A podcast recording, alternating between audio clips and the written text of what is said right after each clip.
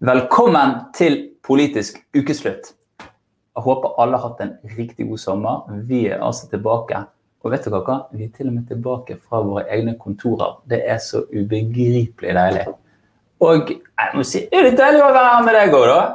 Geir. Eh, ja, takk. Eh, du er, er, da altså Du heter Geir Ramnefjell. Du er politisk redaktør i Dagbladet. Du har vært der ganske lenge, vært i Dagbladet i mange år, vært redaktør der i ti år allerede. Ja. Skriver mye politiske kommentarer. Ja.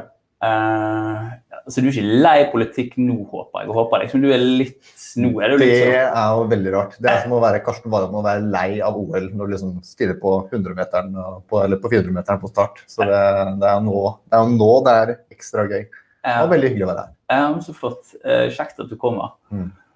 Altså, hva Nei, bare det. Altså, liksom, vi er akkurat på vei inn i valgkampen. liksom den første uken du skjedde. Det er noen energi i luften, er det ikke? Ja, jeg vil si det. Altså, det er jo sånn For vi som er veldig opptatt av politikk og følger det hele tiden, så er det sånn For oss så tenker vi at det har vært valgkamp siden april. Mm. Når liksom alle partiene hadde sine landsmøter osv. Men men det var ganske, ganske, åpenbart at det var ikke det um, resten av Norge tenkte. Uh, for det merka man jo på en måte på interessen for politikk. og sånn, er jo litt sånn, den, Det er først nå det virkelig tar av. Du merker nå liksom når uh, politikerne reiser rundt, og når um, de setter i gang med duellene sine, og når det på en måte preger nyhetssendingene hele tiden. Det er da virkelig liksom, det politiske Norge Eh, kobler seg på. Det er da eh, resten av befolkningen eh, kobler seg på for alvor. og det, det er ganske moro. Folk har hatt ferie, de har solt seg, de har gjort helt andre ting. Og ja. nå skal de finne ut hvem skal stemme ja, på. Sånn, ta noen valgomater og finne ut av ja. er, Folk har mye å sette seg inn i. jeg skjønner at det er ganske, ganske intenst. Men altså, bare før vi liksom går ned i grøten og snakker om sakene. Eh, mange, mange partier i spill. Mm. Eh, spennende, liksom skiftende landskap. Vi vet at velgere beveger seg mer enn de gjorde tidligere.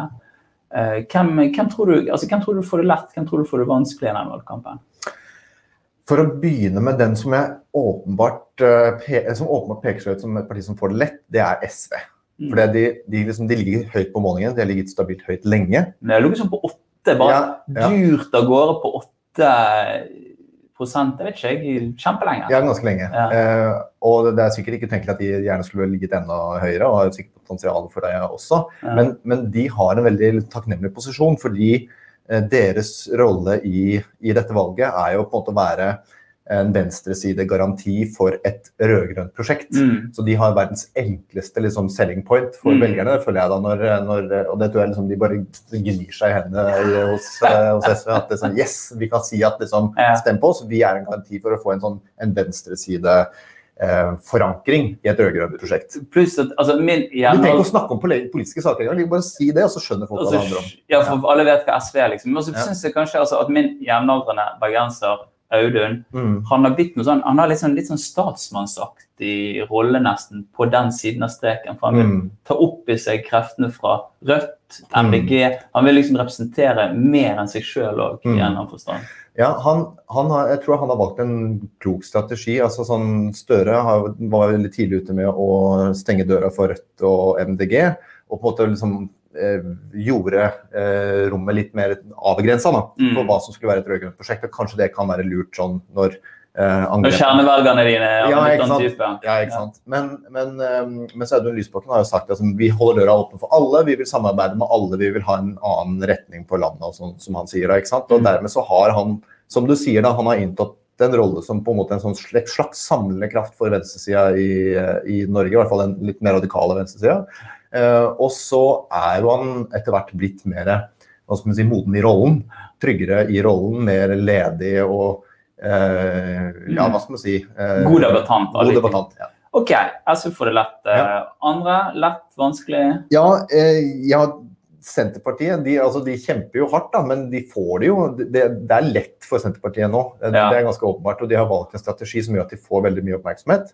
Eh, med å ha en sånn konfliktlinje mot eh, Arbeiderpartiet. Eh, så, og veldig mye avhenger av dem fram mot valget, selvfølgelig. Så de, det kom, veldig mye kommer til å dreie seg om Senterpartiet. Ja. Og så er det selvfølgelig mye spenning knytta til hvordan den oppslutningen utvikler seg. Om de, om de kommer oppover igjen, eller om de liksom om den, de fortsetter å dale litt, sånn som de gjorde før sommeren. Ja, for Det er jo smått absurd. da, for Hvis de nå klokker inn på 15 Ja. så er det liksom litt nedtur. Ja, ja, ja. Og så vil jo det være rart, for det er jo tregangen altså det, vil jo være et fantastisk resultat, egentlig. Ja, ja, ja. Det vil, det vil være veldig bra for dem, og godt nok for dem. Det er jo helt klart, ikke sant? Det er derfor også man kan si at de får det enkelt. At liksom, det skal mye til for at det virkelig skal gå gærent for Senterpartiet. Mm. Um, og de som får det vanskelig, tenker jeg er Venstre og KrF. Altså, det å komme ut av skyggen til Erna Solberg Mm. eh, og markedsføre seg som på en måte avgjørende på noe som helst måte for det borgerlige prosjektet, og deres politiske saker, eh, at de skal skille seg så voldsomt ut fra hva som er Høyres prosjekt. Um, og når de har ligget lenge i skyggen av, eh, av Høyre i regjeringssamarbeidet, så ja, nei, Det er vanskelig. Altså. Det er to ganske sånn ferske partiledere også. Guri Ja. Melby, som har litt sånn lav profil, øh, og sammen med eh, Ropstad, som var veldig dårlig i politiske debatter i forkant av Eller i fjor, Ja. når han var med på partilederdebatten i Arendalsuka. Det var helt sånn han ville snakke om familiepolitikk hver gang man nevnte det, og det går jo ikke an, liksom.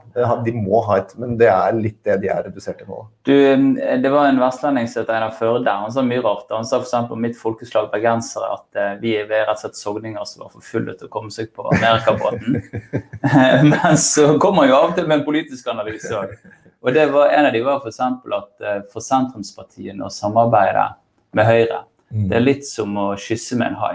Eh, det kan virke spennende, men du blir spist opp til slutt. Ja. Eh, og det, altså Jeg syns jo det er interessant ut ifra sånn politisk alliansebygging. Ja. Og, og så hva er det som skjer med disse sentrumspartiene når de inngår i disse langvarige samarbeidene med Høyre?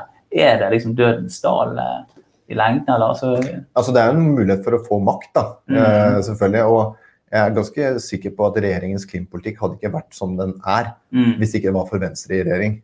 Eh, Men samtidig så er jo Høyre et parti som liker å framstille seg som et klimaparti, mm, og som gjerne etterpå vil ta veldig mye av æren for den klimapolitikken som de kanskje har blitt presset av Venstre til å gjennomføre i, i regjering. mm. Og det er jo nettopp den dødens eh, dal eh, Ja. eh, Og KrF er litt sånn, ja, og KrF er kanskje denne doble skvisen. Etter veivalget så er det mange som har forsvunnet etter andre partier. Til og med laget et nytt parti. Mm. I tillegg så har du et parti De kristne som Mm. også som aldri blir fornøyd, på en måte. Eller Mm. som vil være sterkere enn de på grunnposisjoner på abort, på Israel, på sånne typer saker. Ja, og det, altså KrF sin inntreden i regjeringen er jo ikke sant det, jo, det var jo da det brast. Det var jo da det ble, spennet ble for stort. og Det er det som illustrerer at det borgerlige firepartiprosjektet eh, hadde for mange sterke indre spenninger til at det eh, var bærekraftig. Altså, sånn, bare det at Altså Det er jo KrF som insisterer på å kalle dem for ikke-borgerlige, eh, ikke-sosialistiske. Ja. Og det er liksom sånn at man må definere et prosjekt for hva det ikke er. Istedenfor hva det er. Ja, det, er liksom, det, det tyder på at det er et veldig Ja, det er minste interessant. Det er veldig felles, eh, interessant, faktisk. Eh, Frp, da, bare så vi liksom har vært igjennom. Ja, nei, De er jo litt sånn, de kaver og sliter, og Sylvi Listhaug er ny leder, og hun skal ha en kraftigere liksom, agenda, hardere tone. Mm. Uh, Det virker ikke som hun har lykkes med det så langt. Um, Det blir spennende å se på målingene etter sommeren nå. Den en som kom i, for en uke siden cirka, da hadde de gått opp med 2% men det Mm. var riktignok fra et lavt, uh, lavt nivå. da. Mm. Uh, Så hun har jo ikke bidratt til å løfte partiet ennå. Og så kan man jo si, man kan lure på er det fordi de ennå ikke har klart å mobilisere, og at den på en ganske tydelige agendaen som de har prøvd å kjøre etter 22. juli, faktisk vil få gjennomslag Mm. og vil få effekt nå etter sommeren? Mm. Eller vil det være sånn at den linja som Listhaug kjører, faktisk er litt for smal? Ja. For jeg, jeg må innrømme jeg tenkte at når hun kunne være i avisen hver eneste dag og drive med en sånn semantikk, altså drive liksom å drive orddefinisjon på hva hun mente med snikislamisering eh, Jeg ble litt sånn, jeg syns det var litt ille da, personlig rett etter 22. juli, men greit. Jeg tenkte da er jo hun akkurat der hun vil være. Da får hun være i senter og oppmerksomhet og være litt sånn ytringsfrihetens ridder osv. Ja. ja, så Man skal ikke se bort fra at det faktisk kan ha en effekt. Altså, at, det, at det virker mobiliserende. For da får hun på en måte løfta liksom, de sakene som hennes velgere sannsynligvis er opptatt av, som innvandring og som liksom, norske verdier og den type, den type spørsmål. Men, men så, samtidig så har du ikke sant, det at de har sagt så tydelig at liksom, dette valget spiller ingen rolle. det er liksom, Vi sikter mot 2025. Ja. Da blir det sånn ja, men Det veldig- si, si fra når vi skal begynne å stemme på det igjen. Det er litt sånn Det er utrolig morsomt. Ja, ja, ja. Det, ja, Skal vi bare droppe å stemme på det i 2021? Da er det Ja, det som er poenget. Ja. Ok. Men ok. Da fikk vi tatt, eh, tatt eh, partiene. Um, sakene Mm. uh, Jeg vet ikke akkurat nå de siste dagene så har jo formuesskattdebatten vært ganske, eh, vært ganske heit. Mange Mm. innlegg i avisen. Det var et stort tema når Jonas Gahr Støre møtte Erna Solberg i Trondheim. Mm. Eh, jeg syns jo den formuesskattdebatten er interessant. altså Noen ganger så er det akkurat som liksom fylkeskommunen har kommet inn i rommet og suger ut all luften, og det blir bare kjempekjedelig. Men det kan også fyre folk opp. Ja. Eh, hva er din take på formuesskattdebatten sånn som spiller seg ut nå i Norge? Nei, min take på den debatten er at formuesskattdebatten er på en måte anledningen for å løfte ulikhetsspørsmålet i valgkampen. Altså Mm. det, det blir brukt som det, da. ikke sant? Og det er jo det, det, er jo det folk forbinder formuesskatten med. Altså en slags sånn diskusjon om rettferdigheten i fordelingen i samfunnet. Mm. Det er det Arbeiderpartiet bruker det eh, poenget eh, for. Mm. Selv om de ikke har en veldig radikal politikk når det gjelder formuesskatt, så, så har de jo en litt mer radikal politikk eh, enn det borgerlig side har. Og det er en klar motsats til, eh, til dagens regjering. Det de Mm. ønsker å gjøre. Altså, de vil jo løfte formuesskatten, og de vil jo også beholde den. ikke sant? Så over tid så vil det jo uh, kunne spille ganske stor uh, være en ganske stor forskjell i det. Og jeg, jeg, var, på, um, jeg var i Trondheim, jeg fulgte Jonas Gahr Støre og også delvis Erna Solberg på deres valgkampturné. Og de hadde en duell i Trondheim under Olavsfestdagene som ble sendt på P1, hvor temaet var rettferdighet. Mm. Eh, Det skulle liksom være sånn, der, sånn samtale som oss, bare enda liksom eh, verdigere, selvfølgelig. Med mange i Jeg hadde ikke hatt en og. Nidarosdomen og Oi, oi, oi. men, men den ble veldig politisk. Den ble ganske sånn konfronterende og hard. Ehm, eh, og et av spørsmålene som det kom innom, var ulikhet. selvfølgelig, ikke sant? Og da Mm. trakk jeg selvfølgelig Jonas Gahr Støre fram formuesskatten som et eksempel på det han mener er en, en urettferdighet i skattepolitikken og, og eh, samfunnsutviklingen sånn som den har vært under den borgerlige Mm. regjeringen, og, det, og, og hva de ønsker å gjøre videre med, med formuesskatten. Og det fikk han veldig god respons på i, i salen Mm. og, eller i publikum. Da, og det, man merker at det er et argument som, til tross for at formuesskatten er et teknisk spørsmål, Mm. så hvis du kobler den mot eh, ulikhet, mot eh, følelsen av urettferdighet, utvikling i samfunnet, Mm. Ja. så er det en sak som mobiliserer, og som får fram forskjellene i, i politikken. Ja. Eh, og det er også heldig for Arbeiderpartiet, for det er, det jo formuesskatten som er på en måte den tydeligste endringen de vil gjøre. Da, Ja. At vi har skattlegge de som tjener mer på en høyere måte. Jeg, syns- altså, jeg, jeg syns jo at de, før 2017-valget så rotet Arbeiderpartiet en del. Det var, folk skjønte ikke helt hva de ville med skattepolitikken. Mm. Eh, nå er de liksom manisk opptatt av å si hvis du tjener under 750 000, så får du uendret Mm. eller lavere skatt. Yeah. Og da, det er jo liksom å få pinpointe, regner jeg yeah. med, sine store velgermasser. Og så dra det over på ulikhet. Ja. Eh, er det òg noe altså Jeg ble, overrasket, eh, litt glad kan jeg innrømme, eh, når jeg så at eh, rett før sommeren så hadde Aftenposten en svær sak. Sosiale forskjeller er Mm. noe av den viktigste Ja. saken for norske velgere. Sant? Dere har vært der, Mange har, har, har skrevet om dette. Altså, Hva er det som gjør det? Hva er det som gjør at, at, at, at ulikhet er blitt et tema nå? Nei, altså, Det har jo vært økende ulikhet i det norske samfunnet, økonomisk ulikhet i det norske samfunnet i flere tiår. Mm. Det er en utvikling som har pågått over lang tid. Og så tror jeg pandemien har eh, gjort folk mer oppmerksom på det. Altså, Mm. Enten du selv eller en, noen du kjenner, noen du kjenner som du kjenner, som har eh, blitt permittert, gått ned i 80 lønn. Altså Folk lever på marginen, ganske mange. Eh, Mm. Det blir vanskelig å betjene lån, du må Mm. plutselig kutte utgifter. Du merker på en måte at du sjøl lever litt sånn på, på, sånt, på en sånn grense da, hva du kan eh, opprettholde av forbruk. Og, mens da samtidig så har det jo vært eh, fest på børsen, og du ser liksom i hvert fall, eh, altså sånn, Folk kjøper jo el-Porscher i søkk og lass. Liksom. Ja. Altså, det er, det er, jeg tror det blir ganske tydelig for folk da, at pandemien har truffet litt skjevt ut ifra hvor du står. Og at det egentlig er litt sånn Du kan ikke gjøre så veldig mye med det. Det er liksom bare hvor du sitter, og så kommer et eller annet som treffer deg, og så får det veldig veldig stor betydning for din private økonomi og for din mulighet til å leve som, eh, som menneske og ha, det, ha et godt liv. Ja. Og jeg tror, at, jeg tror at det er, er kanskje den viktigste årsaken til at det hadde liksom løftet det helt øverst nå. Dette var fra april, da. Ja. Den undersøkelsen vi gjorde i april eh, fra Norstat for Aftenposten, og da var det sosiale, økende sosiale forskjeller i samfunnet som kom på, på topp blant Ja, eh, saker som velgerne var mest opptatt av. Så kan man jo spørre nå som flere folk har kommet tilbake i arbeid, om det liksom Ja, ja, ja. Om det er noe annet, ja. ja, om det er noe annet. Men jeg, jeg tror nok den opplevelsen sitter ganske i, da. Og det er annerledes. Sånn, sånn, I 17 var det vel innvandring og klima var toppsaken. Så det, det, Mm. da er det et eller annet som skjer. Ja. Uh, ok, men Spennende. Um, du skriver mye om klima, er opptatt av det. Ja. Uh, og eh, du minnet meg på rett før sendingen at på mandag så kommer FNs klimapanel Ja. med uh, sin nye store rapport. Ja. Eh, vet du hva, kan du bare si hva du tenker om det? Ja, altså Klimarapporten kommer mandag. Det er den sjette hovedrapporten fra FNs klimapanel. Den, disse hovedrapportene kommer jo mellom 6, med seks-sju års mellomrom. Forrige hovedrapport kom i 2014, og det var jo før eh, Paris-toppmøtet. ikke sant? Så det var jo, la grunnlaget for Mm. den enheten som skulle komme der. Eh, som heldigvis kom da. Mm. Eh, nå er det jo eh, nytt det big toppmøte. deal. Det er big deal. Dette er big deal. Det er ikke noe big sånn deal. eh, nok en rapport. Det Nei, det altså, ingenting galt med agendanotater, men dette er litt, eh, litt, litt, litt heftigere. Ja, her har tusenvis av forskere sittet og diskutert på Teams og hatt det forferdelig i Ja. mange måneder og uker. Og så Mm. skal de presentere alt sammen på mandag. Og det er da oppdatering særlig på de fysiske klimaendringene og da man, eh, hvordan det påvirker klimautviklingen. Eh, så det er en oppdatering av det vitenskapelige grunnlaget og en mer sånn fastsettelse av hvordan det påvirker, eh, påvirker utviklingen av klimaet på, på Mm. jorda.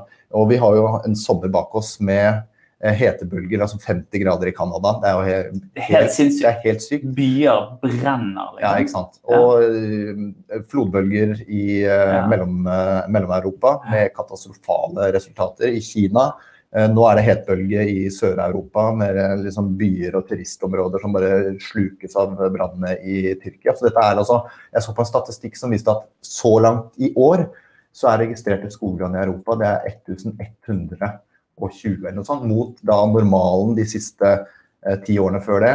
I snitt 420 eller noe sånt. Så det er liksom Wow. mer enn en fordobling. da. Av, så du ser det som en, en akselererende eh, en akselererende hyppighet i, i værfenomener. Som, og det er, er disse tingene. Ja. Er liksom tiden over for sånn politiker som står og gliser mens de fyller bensin på tanken og sier sånn mm, 'Elsker lukten av diesel om morgenen'? Liksom. Altså, det er helt sjukt. Altså, jeg, unnskyld meg, men det, det, er, det er altså sånn da, Jeg tror du appellerer til et veldig smalt sjikt av befolkningen. ja, altså, det, det blir liksom ja. det er, altså, men det er så underlig, fordi det er nå så åpenbart at uh, sant, med EU, med USA, med liksom alle som sier at liksom nå, inns- nå, nå innretter vi politikken vår at, mot at um, de neste 10-30-20 årene så skal vi liksom kutte alle utslippene, Mm. vi skal omstille økonomien, vi skal gjøre alle mulige liksom, ganske dramatiske grep da, for å omforme samfunnet for å kunne kutte utslipp og få omstilling av økonomien, sånn at det går an å leve godt her Ja. om 30 år.